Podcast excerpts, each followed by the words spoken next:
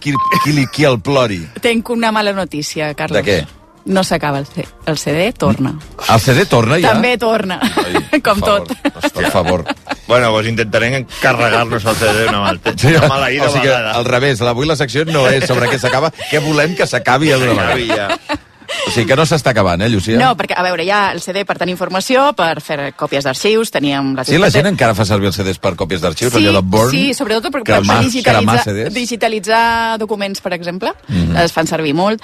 Recordeu aquella època que hi havia disqueteres als ordinadors Sí, i, i el reproductor del cotxe. Tot això s'acaba, perquè... Mira, és que recordo el moment en què, no sé si va ser Apple, que va anunciar que ja no tindria eh, entrada sí. eh, per, eh, per als CDs en el, El en el, Mac. en el Mac. Ja. Vaig pensar, què dieu, bojos? Com us heu de retirar d'això? Apples. Què, què dieu, Apples? I ara què dieu, Apples?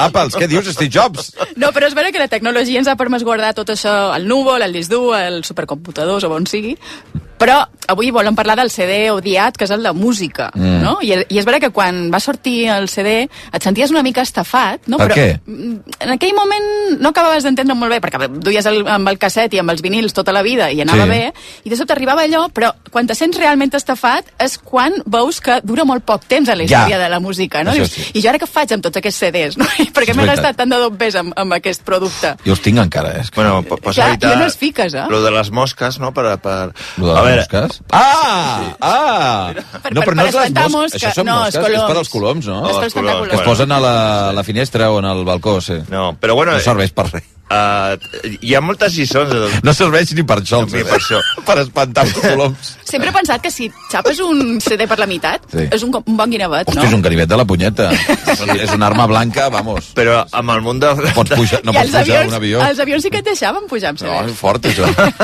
Sí, sí. Senties que algú trencava un CD i podies ja... Bueno, doncs, eh, per què, per què sentim esfada, eh, estafats? Perquè ningú de, demanava un CD de música. És a dir, ja ens anava bé amb els vinils i el casset. És a dir, ningú discuteix que veure una pel·lícula en DVD era d'una qualitat millor que un vídeo. Això Però un també. CD, els CDs es cauen malament els malhomes perquè la indústria una indústria voraç sense pietat, va començar a fer difícil trobar vinils, agulles de... Vera. per, és a dir, va imposar una situació que ningú estava demanant. I al mateix temps, amb els costos més baratos, perquè era molt més econòmic fer un CD que un vinil, resulta que ens obliguen a tornar-nos a comprar els discos que ja teníem i que no podíem fer sentit al disc en un format CD a preus molt més cars, indecentment cars. Si érem eh, els CDs... Quan valia un CD? O sigui, o sigui... 20 euros. No, eh, perdona, per, estem parlant de pessetes encara. Ah, clar, és que no ah, clar, m'ho- clar, clar. Uf, ara- Era aquella època que la ràdio deia sonido digital. Sí. No, però potser... 5, Què valia? 3, 5, 4, 3, 4, 5 mil pessetes igual. Sí, 5.000 massa, sí, sí. eh, potser. No, però 2.000 2.000 i pico, sí, eh? Jo tinc al cap una mena de 2.995 d'algun... Sí. d'algun sí, com a pla d'ofertes, saps? 2.995 pessetes, que són el canvi. Eh, 18 euros. 18 euros. 20 euros per un disc que ja tenies però que no podies sentir No, perquè no... sempre els tenies. Jo, per exemple, Bueno. vaig començar... El meu primer CD va ser el Ten, de Pearl Jam.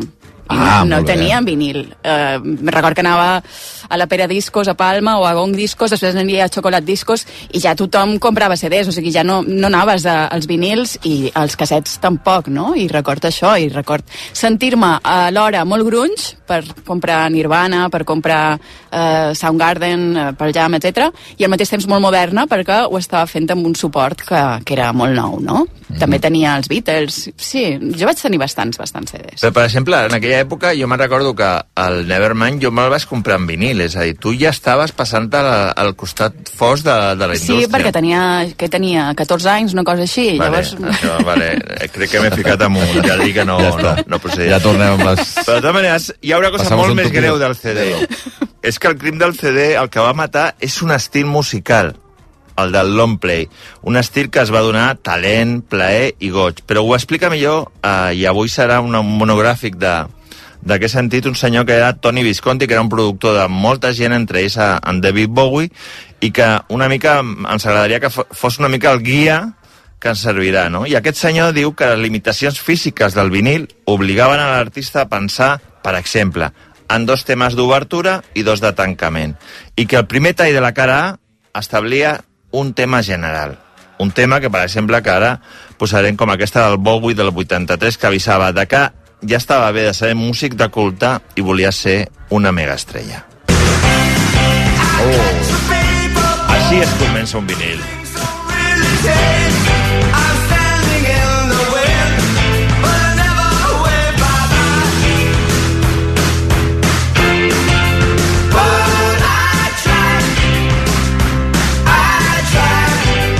Quina meravella de cançó, tu. Sí. Oh, quina canya, tu. Gran David Bowie. Doncs això, diguem que fins a l'arribada del CD els sistemes per emmagatzar aquestes dades eren analògics, és a dir, que es feien còpies elèctriques del so, Mhm. que era més complicat, però tenia la sensació de que, de que estaves a... Quan tu compraves un disc era una cosa que era una cosa molt més personal, que és com reproduir-se com reproduir-se els humans o per espores, no?, una mica. Mm. Mentre que el CD era un sistema analògic, una mena de clonació que podies fer supereconòmic, però per tu no t'arribava això. Quan eren aquests eh, CDs, els primers, com comencen a caure? Mira, el CD el van comercialitzar Philips i Sony. Home, el Discman. El Disman, ara en parlarem del Disman. I el primer CD comercial de música va ser The Visitors, d'ABBA, a l'any 1982. I hear the dawn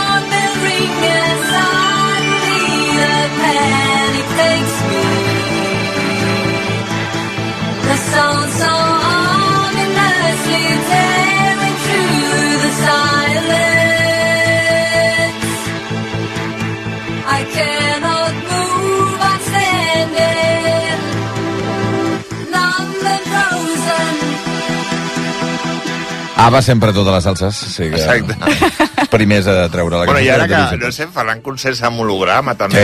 Sí, sí, sí. Esto és, això és els suecos, és, és això. Doncs fins i tot a tota la voràgin més o menys de CDs musicals en tota la història es van arribar a vendre 250.000 milions de CDs. Sí, els, els CDs venuts de tots els temps són 250.000 milions? Sí que són molts.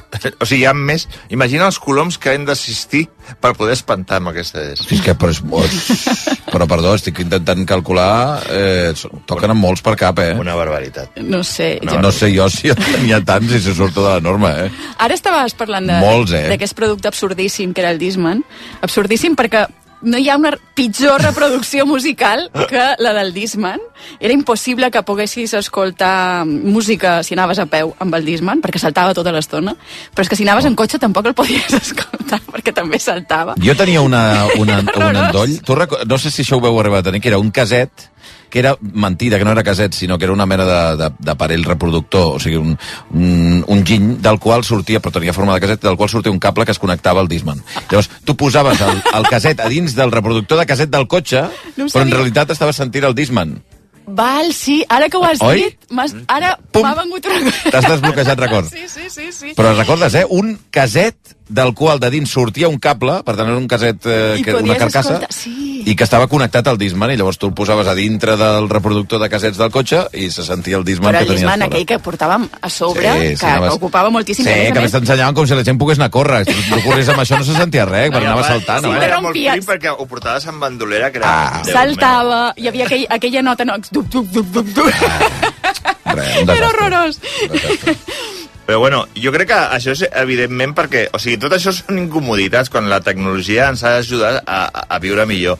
Això és perquè la indústria en aquest cas va decidir apostar clarament pel consumidor, no pel melòman. És a dir, no va tenir cap tipus de pietat, tampoc amb la relació emocional que un tenia amb la música, amb els discs, amb el vinil, a les portades, és a dir, tu tenies un producte gran i generós i tenies la sensació de que la indústria discogràfica era l'intermediari entre el teu ídol i tu, és a dir, era una persona guai, era una persona agradable, doncs aquesta entitat musical eh, finalment eh, se'n va anar a, a no res. Per això els melòmens i el públic en general no va tenir molts problemes quan va sortir Napster, us en recordeu de Ui, Napster? Napster. A l'MP3, és a dir, que va sortir l'any 2000 i els perjudicats en principi va ser els músics, el públic, la qualitat del producte, però Ara, ara estaves comentant això, però record el llibre eh, Llibertat, de Jonathan Franzen, que seria una passa més, que quan parla de Spotify, per exemple, de, de la manera de fer de les cançons d'aquest tipus de, de plataforma, el que deia era que al final s'ha trencat el que era la idea de l'àlbum, no? És a dir, mm. perquè escoltes cançons com menges xiclets. Sí, sí, un cop ja. que l'has sentida, uh, la, la, la, la, la fas fora, no? I, mm. I vas a una altra cosa que Pentura no té res, absolutament res a veure. L'Àlex Torió sempre em defensa que per ell la unitat mínima de, per entendre la música és un àlbum. Clar. que ell no accepta una cançó com a unitat mínima. Clar. Per, per ell un àlbum és una obra acabada Clar. i una, i, i una i, i diguem-ne que una cançó és com si tu em venguessis un capítol del teu llibre Clar. i diria, "Pff, és, eh, no, no, no acabo d'entendre. És com si t'haguessis oblidat de que darrere del disc eh, hi havia un artista que Mm. intentava comunicar una cosa. Fins i tot eh, un altre problema dels CDs és que com que havia molta més quantitat de... eh, fins i tot a 80 minuts, els CDs van oblir... O sigui, ja que ens, ens sentíem estafats per vendre un disc en 40 minuts o 30, es van obligar a que ampliessin fins al 90, 80.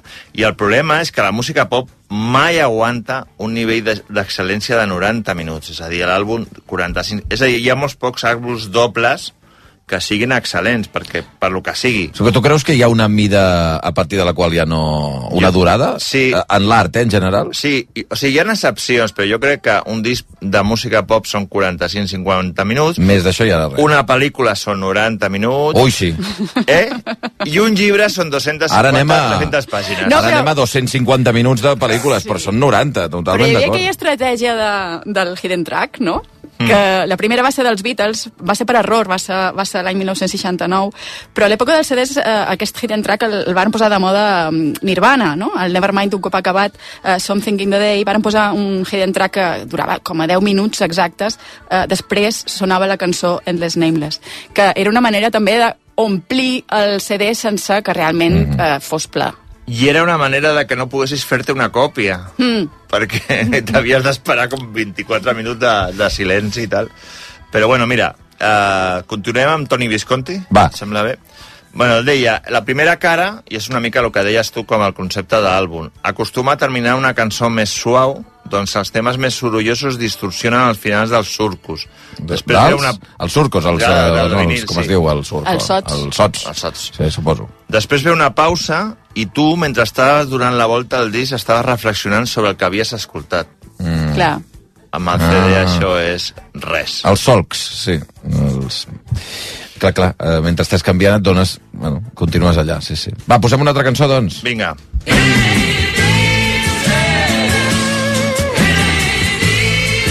I llavors això és un monogràfic Bowie, eh? Sí, perquè ja que el bé. Toni Visconti era el seu productor, encara que eh, aquestes cançons, crec que aquesta no sé si la va produir ell, però la- l'anterior és de Modern Love, Mhm. segur que no.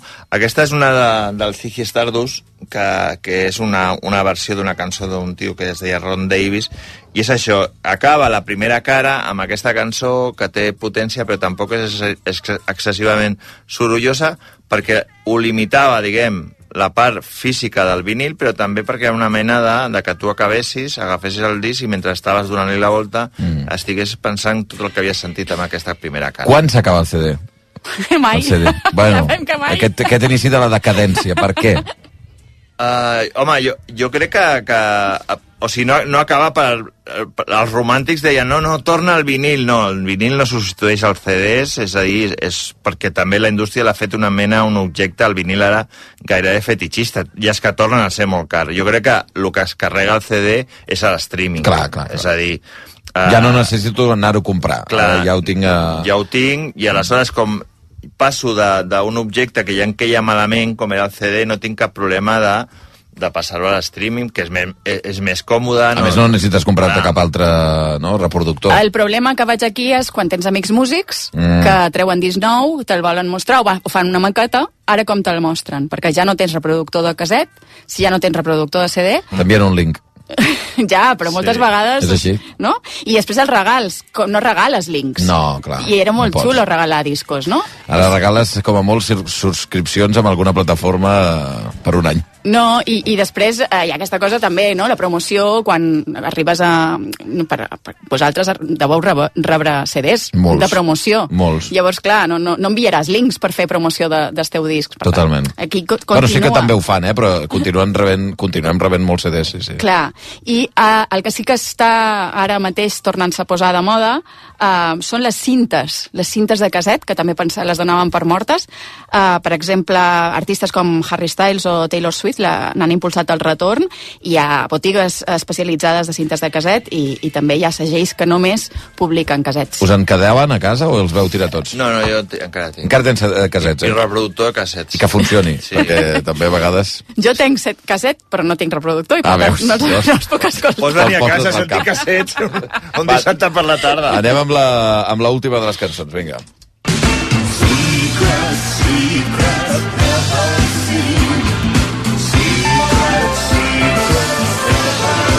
Què? Doncs aquesta que és el The Secret Life of Arabia, que és el, el final d'aquest disc del Bowie de Heroes, doncs també, sentint Antoni Visconti, parla de que la cara B s'obre amb una potència, però la naturalesa de la cara B sempre era una cosa més, una intencionalitat artística, és a dir, la cara era més comercial, és això el que vull, i la cara B era una mena també sé fer altres coses més, més, més artístiques, no era tan comercial.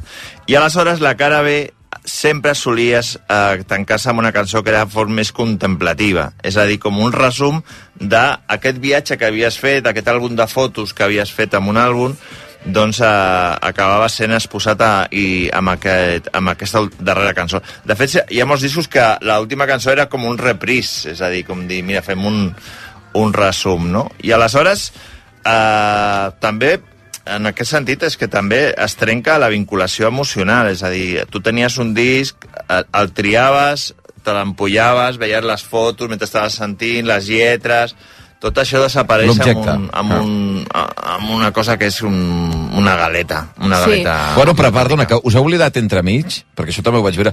Jo he de dir que eh, m'he afegit a les vostres crítiques, eh? però com que no som exactament de la mateixa generació, per mi el meu format sí que era el CD o Clar. el caset, no era el vinil. Pel meu- sí que el vaig tenir, el vinil, pel, però no. pel meu també, tam, però Mm. també el casset. O sigui, exacte. Eh, ja, eh, Però conviure tots dos, sí. recordes que no, no passem del CD a l'streaming. Hi ha entremig un format mm, encara molt més breu, però que tothom deia ah, això sí que és la polleta, que era el minidisc.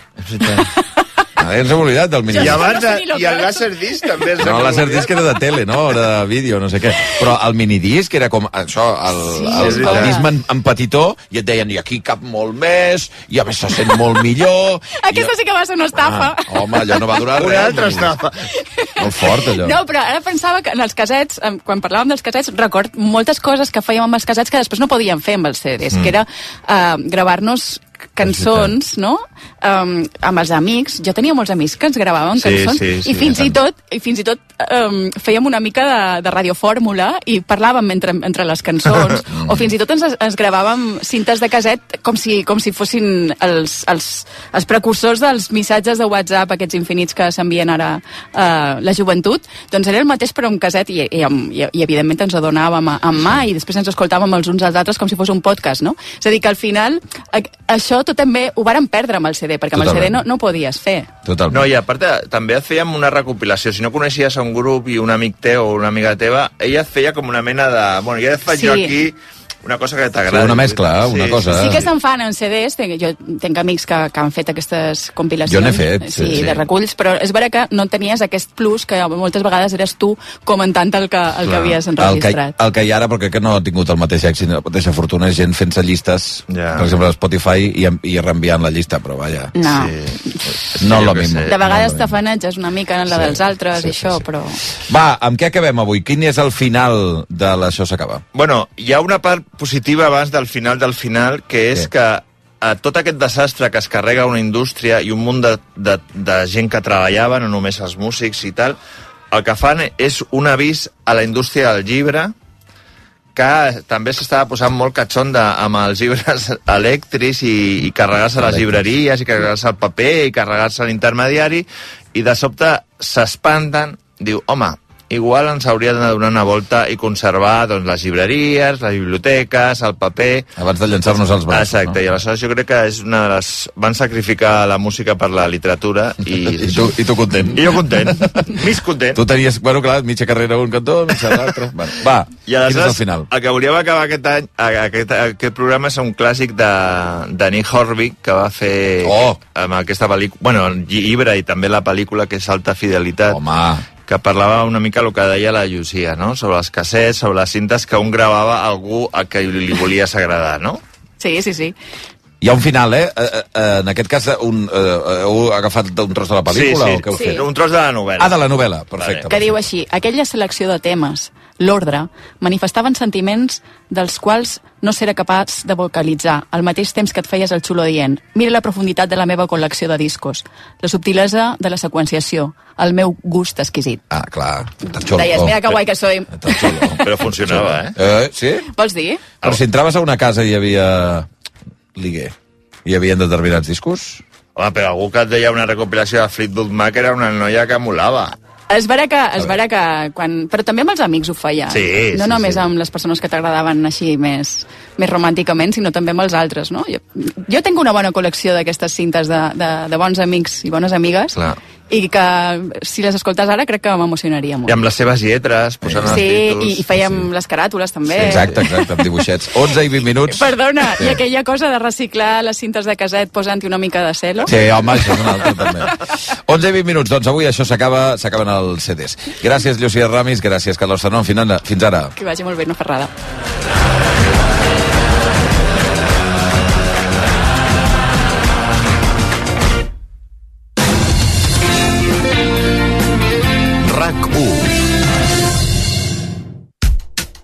Perquè m'agrada sentir les energies de cada idioma i perquè no em vull perdre cap detall del guió, jo trio Finesa Bosé. Gaudeix de l'experiència del cinema en versió original subtitulada amb la millor tecnologia, pantalla gran, so envoltant i butaques supercòmodes a Finesa. Consulta cinemes i horaris a finesa.es. Descobreix la nova gamma de matalassos multisac micro de son pura a Grupo Todo Plano. Escull el teu matalàs Som Pura i prova'l durant 100 nits. Visita'ns a les nostres 17 botigues a Barcelona, Badalona, Sant Adrià, Santa Coloma, Terrassa, Sabadell i a grupotodoplano.com. Grupo Todo Plano. Les millors marques en descans al millor preu garantit. Agatha Roca és una professora associada d'una universitat a l'última obra de Victoria Spunberg, L'imperatiu categòric, un retrat social que planteja amb molta ironia què és èticament correcte quan el sistema t'ofega. Del 28 de febrer al 24 de març, al Teatre Lliure. No et quedis sense entrades. Estàs entrant a la planta noble, la casa dels meus besavis, l'Amàlia Godó i el Josep Batlló. Amb ells comença la nostra història. Arran de l'èxit d'una nit d'hivern, prorroguem l'experiència nocturna a la Casa Batlló. Només fins al 17 de març, promoció 2 per a 1 per a residents i nens gratis. A Mundo Deportivo ho vivim tot minut a minut. La tensió de cada jugada. L'adrenalina de cada volta. L'emoció de cada punt. Els nervis de cada final. Mundo Deportivo. Ho donem tot. Més enllà de RAC1, RAC1.cat, el portal de notícies de RAC1. Via Lliure, amb Xavi Bundó. 11 i 22 minuts. Puño en alto, esto no va más.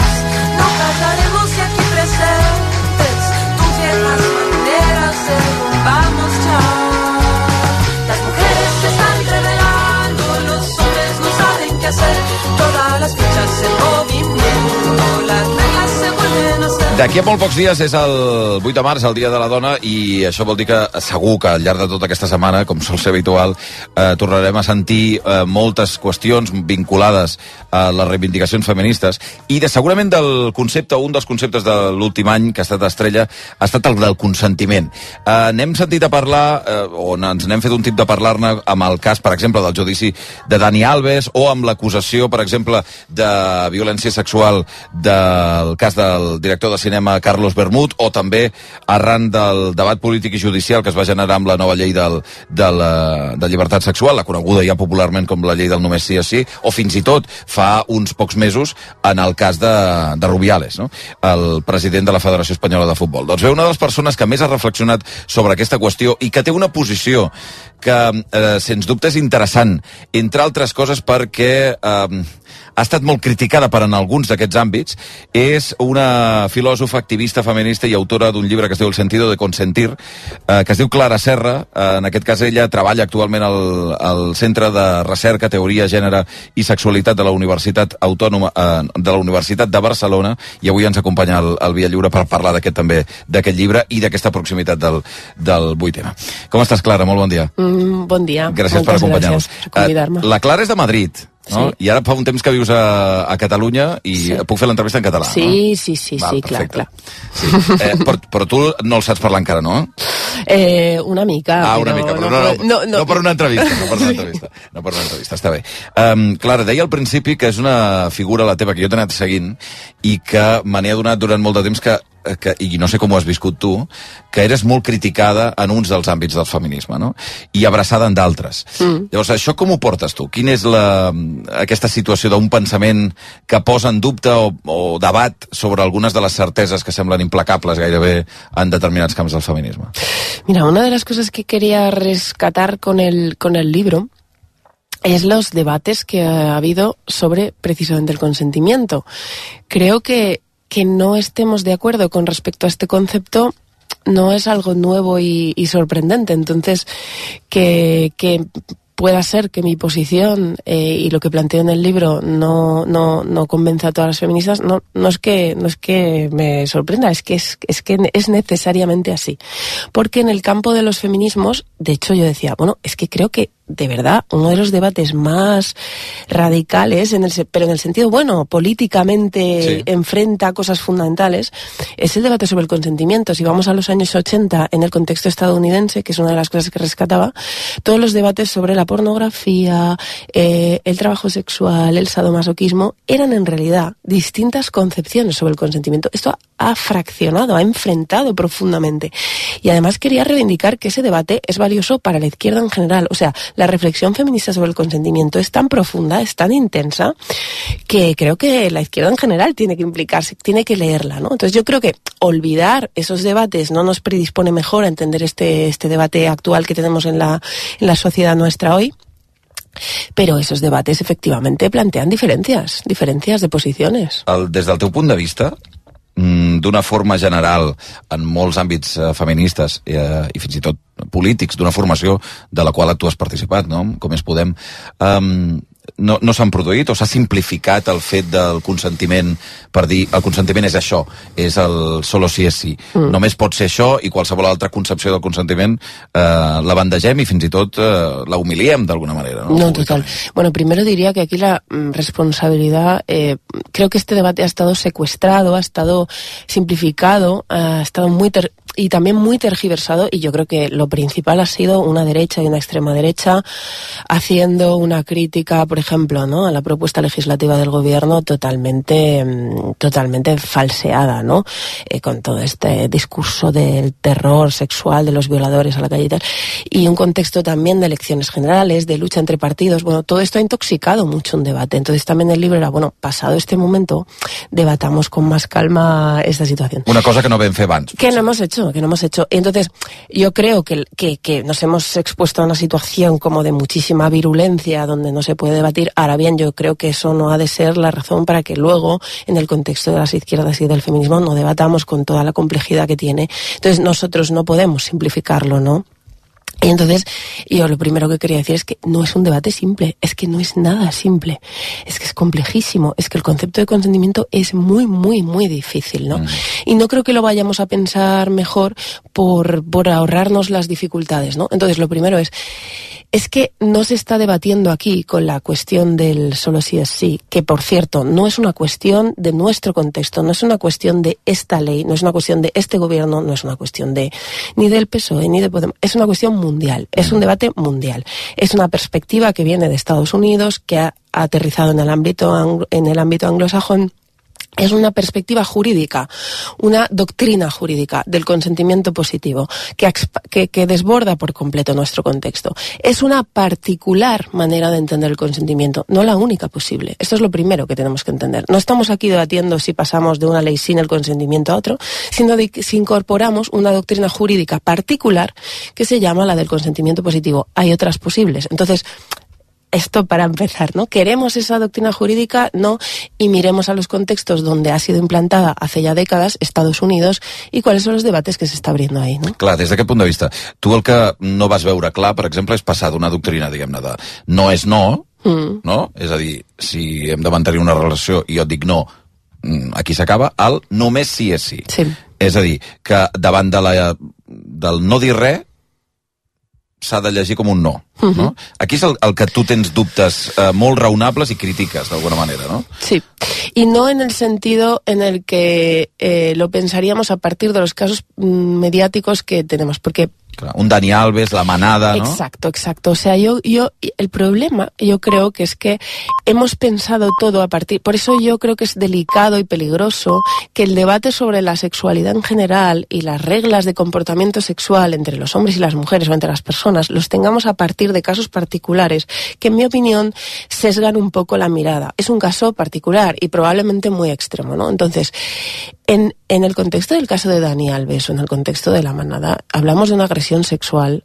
eh, en el caso de, por cierto, de Dani Alves, mucho más nítida en términos jurídicos. Con los hechos probados del caso de Dani Alves es, un- una, es una situación muy nítida, muy nítida, quiero decir, para este Código Penal y para el anterior. Es decir, se llega incluso a hablar de que la chica dice que no, de que hay violencia. O sea, es nitidísimo, es una agresión sexual. Esto es, es evidente así, ¿no? Entonces, esta no es la discusión, ¿no? Entonces, yo creo que el derecho tiene que identificar situaciones de coacción, de amenaza, o sea, cuando un tipo no te deja salir del baño, están vulneradas las condiciones de posibilidad de que se exprese libremente el consentimiento, ¿no?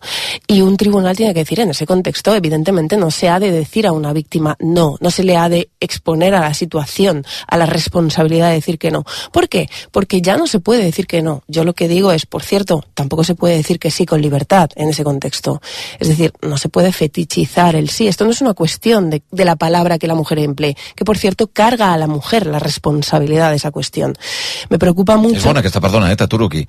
Eh, el fet de que la dona hagi de dir no o sí li posa una, des del teu punt de vista una responsabilitat afegida. Desde mi punto de vista, en una situación como el caso de Dani Alves, lo que tiene que hacer el derecho es decir, no es lo que ella diga, es si él es responsable de haber, de haber vulnerado las condiciones de posibilidad de que ella se exprese libremente. Así que ya no vamos a mirar a ella, vamos a mirar a la situación. En esa situación, por cierto, esto lo decía el Tribunal de la Manada en, el, en, el último, en, el, en la última sentencia, en ese contexto particular no era posible decir que no. Y el no no puede interpretarse como una aceptación. ¿No?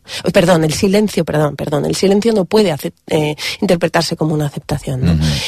Evidentemente, ¿pero por qué? Porque en el mundo, en esa situación, en ese contexto, ella ya no puede decir ni que no ni que sí con libertad. Me parece mal enfoque decir si ella ha dicho. Y lo digo en este sentido. Puede haber sís arrancados bajo coacción y amenaza. O sea, el caso, por ejemplo... Diuen, no? Bueno, claro, totalmente. El caso, por ejemplo, de, de Bermud, Sí. que era, por cierto, muy inquietantes las declaraciones de él, por- eh, las sí. suyas propias, ¿no? Porque él decía, no, no, todo ha sido consentido. Bueno, aunque también puede ser que la otra persona, con mucho miedo y aterrorizada, bueno, pues tuviera miedo de que todo fuera a ir a peor. ¿Qué dices? Es incompatible decir todo ha sido consentido y reconocer la posibilidad de que otra persona esté aterrorizada, ¿no? Eh, en situación de coacción de miedo no se consiente libremente, ya está viciado el consentimiento. Vale, la cuestión es, si alguien se te abalanza encima, tú estás aterrorizada y como describía esas situaciones, te empieza a estrangular y eso no es consentido, eh, ¿acaso no puedes decir que sí para que eso acabe cuanto antes? O sea, eh, el sí en una situación así no es válido, no es revelador. Però el que estàs dient en aquest, en aquest cas és ella potser eh, dona el consentiment i ens hem fixat tant en que sí és sí, solo sí és sí, que potser no ens hem centrat en, en ell. No? I Exacte. llavors, i llavors el, el, la llacuna principal, des d'un punt de vista argumental, eh, filosòfic, del només sí és sí, és que li hem posat tanta càrrega en que ella ha de dir que sí, que potser diu que sí i no té les condicions per dir que sí. Claro, y por tanto que el sí puede ser entramparla, puede ser una trampa. Y lo que digo es que la fetichización absoluta del sí, a ver si nos va, a exponer un día a que nos enfrentemos a un caso donde ella ha dicho que sí. Espero que si hay una situación coactiva de miedo, de desigualdad, el tribunal la exima de haber dicho que sí, porque si no la, la meteríamos a la mujer en una trampa. Entonces lo que están planteando algunas feministas, eh, por ejemplo, Catherine Angel ha escrito un libro maravilloso que se llama El buen sexo mañana, que lo recomiendo muchísimo, dice, oye, pero cuando no se puede decir que sí, ¿Por qué razón ese, cu- perdón, cuando no se puede decir que no, ¿por qué razón ese sí sea li- sería libre? Ese sí puede meternos en la trampa mortal a las mujeres. Entonces, obligarnos a decir que sí en un contexto donde estamos reconociendo precisamente la situación coactiva y de amenaza, eh, esto no puede ser así, ¿no? Entonces, yo creo que en el caso de Alves o en el caso de Bermud, ese sí no aclara nada, ese sí no, no resuelve nada. Entonces, claro, yo digo, en esta situación la cuestión es que no, ni se puede decir que no, ni se puede decir que, que sí. Y el tribunal ha de reconocer ahí un consentimiento invalidado. Y por tanto ya da igual el no o el sí. Lo que creo es que eso tiene que ser el punto al que llega el derecho en situaciones particulares, excepcionales, digamos. Lo que no creo, esta es la otra cosa que quiero decir, es que se pueda extender eso como condición general de la situación donde todos los hombres y las mujeres tenemos sexo. Porque, ojo, si hacemos eso, si pensamos el conjunto de la sexualidad desde el portal de la manada o desde el baño del caso de Dani Alves, entonces lo que estamos diciendo es que nunca se consiente, es que siempre el consentimiento está viciado. Esto es lo que vamos a acabar diciendo. Yo lo que quería plantear en el libro es, Per què sempre està viciat? no, si, si llegamos a decir nunca se puede decir que no, y lo pensamos desde el marco del portal de la manada de coacción, Ya. entonces, vale, entonces hagámonos cargo de que lo que estamos diciendo en nombre del consentimiento es que nunca puede haber consentimiento libre. Entonces, lo que vamos a llegar, y yo creo que entonces la posición coherente sería decir, nunca se puede decir que no y nuestros síes nunca son libres. Yo lo que quiero es como que te hagamos un debate coherente y, decir, oye, cuando no se puede decir que no, el sí no es libre. Eh, Genevieve tiene un- una feminista francesa una explicación maravillosa que dice, las mujeres dijeron durante siglos sí quiero, por cierto, un sí muy explícito, muy positivo, muy en las bodas, y creo que las feministas no podemos considerar que ese sí era libre. ¿Cuándo ese sí fue libre? Cuando conquistamos el derecho al divorcio. Es decir, cuando se puede decir que no. Hi ha una porta oberta... Claro, es que eh, el, solo se puede decir sí libremente y el derecho solo puede validar la legitimidad de ese sí cuando es posible decir que no, cuando podrías no decir sí, cuando podrías invalidarlo acto seguido.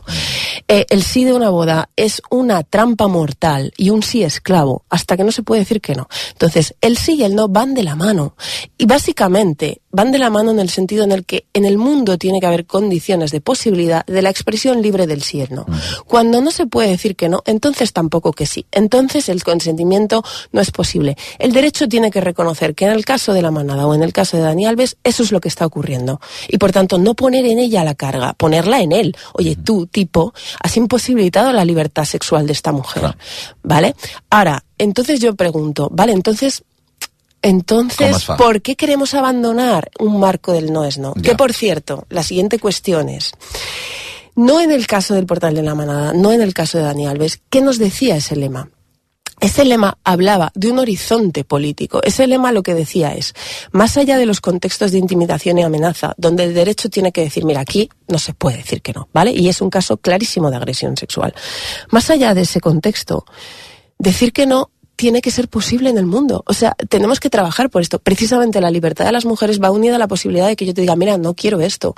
A tu padre, a tu jefe, a tu hermano mayor. O sea, en general, la libertad va unida a la posibilidad de rechazar lo que el otro quiere y de defraudar lo que el otro quiere. Podemos decir, y yo creo que hay que decir, que decir que no es muy difícil. Y yo creo que esta es una posición feminista. En el mundo es más difícil para quien menos poder tiene decirle que no a otro. Yo lo que estoy en profundo desacuerdo y me parece muy preocupante es la asunción generalizada de la imposibilidad de decir que no. Porque si decimos que en general es imposible, no en el portal de la manada, no en una situación excepcional, sino en general, vamos a dejar de trabajar por ampliarlo, por hacerlo más posible. Y hacerlo más posible, por cierto, es políticas distributivas. O sea, cuando las mujeres son menos ricas o más pobres que los hombres, también es más difícil decir que no, ¿no? Yo quiero que a una niña de 15 años se le diga, mira, cuando sientas que no puedes decirle que no a ese chaval que te dice, dame un beso, puedes decir que no. Yo quiero que les digamos eso a las chicas. Y por no cierto, que si no dius que sí és que no. Claro, yo no, no, és que jo vull que diguis que no. No, no, es que tenemos que seguir trabajando en la conquista de esa posibilidad. La experiencia de muchísimas de nosotras, y creo que esto es generalizado, es que decimos que sí a cosas que no queremos. Es que decimos que sí, es que, es que a los 17 años, cuando el chaval te dice, oye, no sé qué, tú sientes que no puedes defraudar eso. Esa es la educación patriarcal, que una mujer no puede decir que no. Entonces, el problema no es decir que sí. O sea, yo he dicho que sí a cosas que no quería. Entonces, mm, y lo he dicho, y he dicho ese sí clarísimo, ¿eh? He dicho que sí. Pero es que el problema sigue estando ahí. No es si yo pronuncio el sí o no. El problema es que nos han dicho que no podemos defraudar esa expectativa masculina. De verdad, como sociedad queremos abandonar este mensaje, no solo a las mujeres de digamos que no, sino, por cierto, a toda la sociedad a comprometerla a que ese no sea más posible. Oye, cuando os digamos que no, vosotros tenéis que respetarlo. Pero como sociedad, estamos mandándole permanentemente a las mujeres el mensaje de que han de estar siempre disponibles y nunca defraudar. Y eso culpabiliza profundamente a las mujeres. Entonces, a mí me preocupaba mucho este discurso por el cual el no es no ha de ser abandonado. No me parece que estemos, o sea, me parece que estamos abandonando algo muy importante. Y era un lema feminista, ¿sabes? Clar. Sobre, um, hi ha una cosa que m'interessa molt del llibre, que és quan diferencies entre el consentiment i el desig. Mm. Que sembla que és una cosa que hagi d'anar junta. Quan tu consents és que eh, desitges allò. Sí. I no sempre és així. Pot haver-hi consentiment sense desig i fins i tot desig sense consentiment. Sí, sí. Bueno, como nos pasa eh, en la vida en general, ¿eh? con cualquier cosa. O sea, consentimos a muchas cosas que no deseamos, ¿verdad? Eh, sí, eh, hay un término que, que evidencia esta especie de intento de fusión. Bueno, yo ahora cuando he escrito el libro me, me escriben muchas ah, com- com feministas que están como muy en otras posiciones y me ponen Molt rato enfadades. muy enfadadas y me ponen sin consentimiento es viola eh, sí, perdón, sin deseo es violación, sin deseo es violación. Bueno, És a dir, per, eh, sobre, perdona, eh, t'at- t'aturo aquí per, per entendre-ho bé, eh? és a dir, algú que consenteix però no desitja. No? és a dir, està consentint en una situació, si vols viciada o el que sigui, no està desitjant allò i és violada. No, Ah, yo no eh, llamaría eso viciada. Yo no llamaría eso viciada. O sea, yo diría que si está viciada y la, y la voluntad está secuestrada, volviendo al tema de la... Yo creo que eso es violación. Vale. Debe serlo. Yo lo que digo es que tú, por ejemplo, puedes mm, decidir que em, tienes ganas de quedarte embarazada, no hay un deseo sexual, pero tú tomas una decisión mm, racional, instrumental, por la que no es el deseo ni el placer sexual la razón por la que tú tienes sexo y yo creo que nadie te está violentando. Sigue siendo el sujeto el que deci- decide. Pero es que un sujeto decide por muchas razones, aparte del deseo. O sea, el querer es una cosa muy compleja. Entonces, hay deseo, hay voluntad, hay muchas instancias. Bueno, esto el, el psicoanálisis lo ha problematizado. Por eso ha dicho, bueno, hay un ello, hay un yo, hay un superior. Bueno, ¿cuántas cosas influyen ahí? Bueno, yo quería traer un poco esa complejidad y decir, creo que algunas veces decidimos cosas no con un deseo tremendo de hacerlas, pero las decidimos y sigue siendo el sujeto quien elige. Claro, como comprenderás, esta cuestión en el trabajo sexual emerge profundamente, porque hay quien dice, la trabajadora sexual, al no desear, digamos, en un sentido, ¿no? De deseo sexual, algunas de las cosas a las que consiente, algunos de los contratos sexuales que hace, está siendo violada. La trabajadora sexual dice, perdona, lo hago por dinero. ¿A ti te parece que el sexo no se puede decidir por dinero? A mí me parece que sí y que nadie me está secuestrando la voluntad, sino que lo elijo por otra razón. Claro, está toda, la- está toda esta cuestión aquí, ¿no? Yo creo que efectivamente hay que separar el deseo de la voluntad. Y lo que quería decir es que además, por una razón que es que el deseo es una cosa bastante oscura y escurridiza para los sujetos.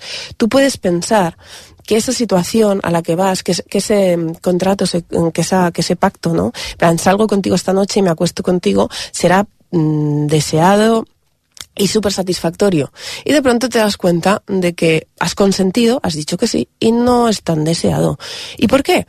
Porque el deseo no es una cosa que se sabe y se conoce exhaustivamente. No nos pasa a ninguna persona. Por cierto, menos mal, es toda la gracia del asunto.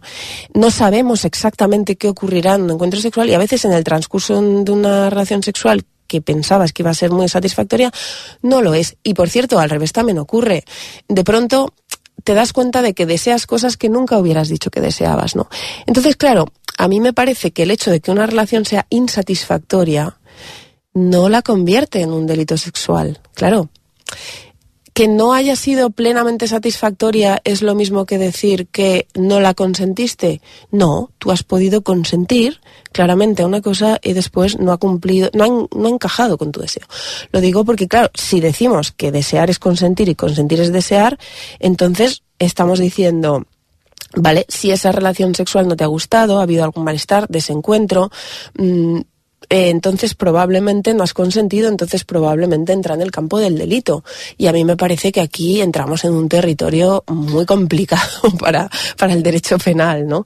Pero aparte quería decir, volviendo a lo de antes, Sí. que no solamente es porque nos hace entrar en una vía punitiva muy peligrosa de derecho penal eh, explicando cualquier malestar en el sexo, que creo que está mal planteado, sino porque de nuevo no explica la experiencia de una mujer que consintiendo y diciendo claramente que sí, después tiene un malestar. Y le está diciendo, no, si tú has dicho que sí, te ha tenido que gustar muchísimo, porque si has consentido, era deseado por ti. No, no comprende, no, no nombra una experiencia femenina que nos ocurre todo el rato. No, las mujeres consentimos y al mismo tiempo existen malestares de los que tenemos que hablar. Por cierto, porque muchos de ellos sí que tienen que ver con cuestiones machistas, aunque no sean delitos, porque el tipo que es un imbécil y que es un egoísta también te puede generar un malestar. Pero eso no quiere decir que sea un delito ni un agresor sexual, que sea un agresor sexual. Pero si no abrimos esa conversación ética al margen de la penal, no le estamos, no estamos validando, visibilizando experiencias femeninas súper habituales. T'he sentit dir alguna vegada, i això crec que està lligat amb el que estaves dient ara, que eh, en una era on hem eliminat la romantització, és a dir, el romans, no? la, la relació romàntica, hem romantitzat el sexe. Sí, totalmente. Bueno, És a dir, que el sexe només pot ser una cosa romàntica, perquè si és bruta, violenta, exagerada, de cop no és, no pot ser. Sí. Eh, és, és una agressió, sigui de la forma que sigui. Sí, o sea, yo creo que esto de, de, de, de que cada vez que consientes deseas y cada vez que deseas consientes, eh, mm, de, de príncep blau i de princesa rosa. Bueno, sí, yo creo que a veces, efectivamente, yo creo que a veces consientes al, al sexo y no hay un deseo y, y sobre todo, digamos, que consentir con otro no te garantiza el encuentro profundo con Claro. otra persona. Esto, por ejemplo, podemos ver, mm, no sé, eh, Tinder. o sea, hay, hay un pacto, evidentemente, hay un consentimiento, nada es más contractual, más pacto explícito, ¿no? Que Tinder o este tipo de... ¿Eso te garantiza un encuentro profundo, íntimo con la otra persona? No, no. Y muchas veces es profundamente insatisfactorio. Entonces, Però és utilitzar l'altra persona. sí, en un sentido... Però, però no per què ser... Eh, Bueno, nos- que i- nos utilizamos un- mutuamente, sí. Clar. Claro, yo ponía el ejemplo de, estamos diciendo con esta cosa también de, el consentimiento tiene que ser escuchar el deseo del otro, tiene que ser súper comunicativo, tiene que ser, estamos, estamos yo creo que haciendo una propuesta que mi, a, a mi juicio debe ser una conversación moral o ética sobre lo que es escuchar el deseo del otro, que me parece como conversación muy necesaria, pero que me parece peligrosa cuando está en el marco de lo penal, ¿vale? Entonces estamos diciendo, el sexo legítimo es ese en el que te comunicas mucho con el otro. Yo creo, yo en mi caso, que con una pareja, yo espero que mi pareja se preocupe profundamente por mi deseo y yo por el suyo. Yo ubicaría una relación amorosa esa en el que sí, te importa profundamente el deseo del otro. Ahora bien, eh, en el sexo, en el cruising, en el sexo, por ejemplo, gay, donde te encuentras con un desconocido en la calle o en un baño, no te importa ni cómo se llama el otro. Y por cierto, això mujer- no és il·legal ni és una... bueno, no debería serlo, No no, debería debería ser. Muy comunicativo, la verdad es que no me parece que sea. Y por cierto, las mujeres tienen que tener también derecho a un sexo, digámoslo así, es un poco instrumental, donde usas un poco al otro que también quiere ser usado y también te usa y te usas mutuamente. Que una señora vaya al baño de un restaurante y tenga sexo esporádico con un desconocido que, se- que después no saben ni cómo se llaman, eh, no sé, a lo mejor hay que tener un debate ético sobre eso, pero ojo cuidado con decir que si no es profundamente comunicativo y que si no sabes cuál es el deseo profundo del otro, entramos en el campo de la agresión sexual, porque entonces criminalizaremos esas formas de sexualidad. Y yo creo que las mujeres, entre otras cosas, tienen que conquistar el derecho a ese tipo de sexo, que me parece muy instrumental. Entonces, Ahí es donde creo que estamos buscando una especie de deseo romántico. Eh, cuando decimos, em, ciertas cosas. Ahí no hay un deseo romántico, ahí hay un sexo esporádico instrumental. Eh, creo que tiene que ser posible y mucho cuidado con acercar el derecho penal a la delimitación de eso, porque es muy peligroso. Después, efectivamente, yo creo que con una pareja sexual, que a la otra, que ser tratado de forma instrumental por una pareja sexual te puede hacer mucho daño. Te puede hacer mucho daño eh, te puedes sentir eh, traicionado, te puedes sentir mm, ninguneado, te puedes sentir instrumentalizado. ¿Produce eso daño en el marco de una relación? Muchísimo, muchísimo. Y creo que cuando decimos que todo daño en el terreno del sexo se equivale a un delito, es mentira hay traiciones en el terreno de la amistad que son profundamente dolorosas y hay traiciones en el terreno del sexo y del amor que son profundamente dolorosas, aunque no lo valide un tribunal judicial. Y si no abrimos esta distinción entre lo penal y lo ético, de nuevo, silenciamos ese malestar del que tendremos que hablar. Pero, ojo, no en el campo penal, creo. Què et va semblar el cas Rubiales? Bueno, veremos lo que pasa judicialmente. Primero de todo, yo también en estas cosas quiero, eh, siempre lo digo, ¿no? Pero como sociedad estamos todo el rato teniendo esta conversación que yo en el libro quería salirme de eso a partir de casos judiciales, ¿no? Claro. Donde, donde hay personas con nombres y apellidos, ¿no? Y creemos que cuando hay un caso así le juzgamos a él, ¿no? Pero en realidad la juzgamos a ella. O sea, les juzgamos a los dos. Y Sí. todos nos ponemos a decir qué nos parece él, qué nos parece ella. La más expuesta siempre en realidad es la víctima, donde todo el mundo opina si eso.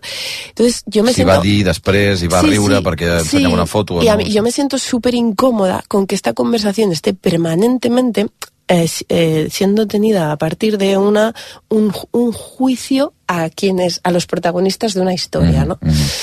Entonces yo Val, ho, ho, ho reviso d'una altra manera, d'acord? Eh, no el cas Rubiales, sinó cas Rubiales eh, desperta una sèrie de coses Sí. eh, que crec que ho hem vist en algunes enquestes que s'han produït tant a Catalunya com a Espanya, que és que diuen eh, hi ha un grup de població molt jove que diu que el feminisme ha anat massa enllà. Val? Mhm. um, i que potser en situacions com el cas Rubiales consideren que hi ha hagut un accés, bla, bla, bla. Tu com llegeixes? Què està passant amb aquest grup de població molt jove, insisteixo, que considera que s'està mm, excedint la, el feminisme? Yo es que creo que el feminismo no ha ido más mm, muy allá. Yo creo, o sea, yo creo que la, la, la probablemente esa era la, la pregunta de la encuesta, ¿no? Ujú. Yo y yo creo que siempre que haces una encuesta determinas mucho la, la respuesta con cómo haces la pregunta. Totalmente. Pero la pregunta está mal planteada, porque para mí la pregunta es ¿en qué dirección? O sea, ir más allá o más acá, ¿en qué dirección? Entonces, yo creo que el feminismo ha avanzado muchísimo en estos años y ha cambiado profundamente nuestra sociedad. Por cierto, antes hablábamos del caso de Alves, ¿no? Pero esta parte de la sentencia de Alves donde dice esta cosa de no porque una mujer se tome una copa, entra en el baño, que me parece súper bien, súper buena noticia. Totalmente. Eh, y por cierto, que yo no ligaría necesariamente al solo sí es sí, sino que me parece que el no es no. También explica eso, en plan de, no, siempre puedes decir que no y siempre puedes interrumpir y no hay un cheque en blanco, ¿no? Me parece fruto de una conversación, o sea, que eso esté en una sentencia es fruto de que la sociedad ha cambiado. Llevamos muchos años hablando de feminismo, de violencia sexual, de consentimiento y evidentemente, eh, no es- mm, qué bien que ha ido tan, o sea, qué bien que el feminismo ha ido en esa dirección como para que eso ocurra, ¿no? Eh, ahora bien, claro, yo, me, yo soy crítica con algunos discursos o con algunas líneas, ¿no? Por eso escribo el libro y por eso no estamos de acuerdo todas. Entonces, claro, no es que haya ido más allá, es que en algunas cuestiones hay posibilidades de ir en una dirección o en otra. Yo creo que los discursos que están poniendo el acento en una determinada dirección con esto, eh, yo creo que no van bien. Y en ese sentido diría, claro, esto de que los jóvenes no se identifiquen con el feminismo, pues será multicausal y tendremos también que tener una explicación compleja, igual que la de los hombres que rechazan el feminismo. En parte será que una extrema derecha los está interpelando y está intentando que se vayan con ellos y un ejército de hombres enfadados, evidentemente. Pero en parte también yo creo que como siempre en toda en toda posición política y en las izquierdas tenemos que preguntarnos cómo hacerlo mejor o cómo se puede hacer peor porque se puede hacer mejor o se puede hacer peor como obviamente en todas las cuestiones no yo no creo por ejemplo que que los hombres estén enfadados con el feminismo es la prueba y la verificación de que vamos súper bien tipo bueno como ladran cabalgamos esto tampoco puede ser así porque por cierto en el 2018 2019 muchísimos más hombres se identificaban feministas que ahora. Entonces, si se podían identificar como feministas hace unos años, igual había un feminismo, a mi juicio había un feminismo el del año 2018, el del 8M del 2018-2019, muy ilusionante, eh, que por cierto creo que abordaba otro tipo de temas. Quiero recordar la huelga de las mujeres en el 8M, de la huelga de los cuidados, el tema de poner, yo creo que hace falta volver a las cuestiones un poco de redistribución y de, y de, y de hablar de la riqueza y de pon-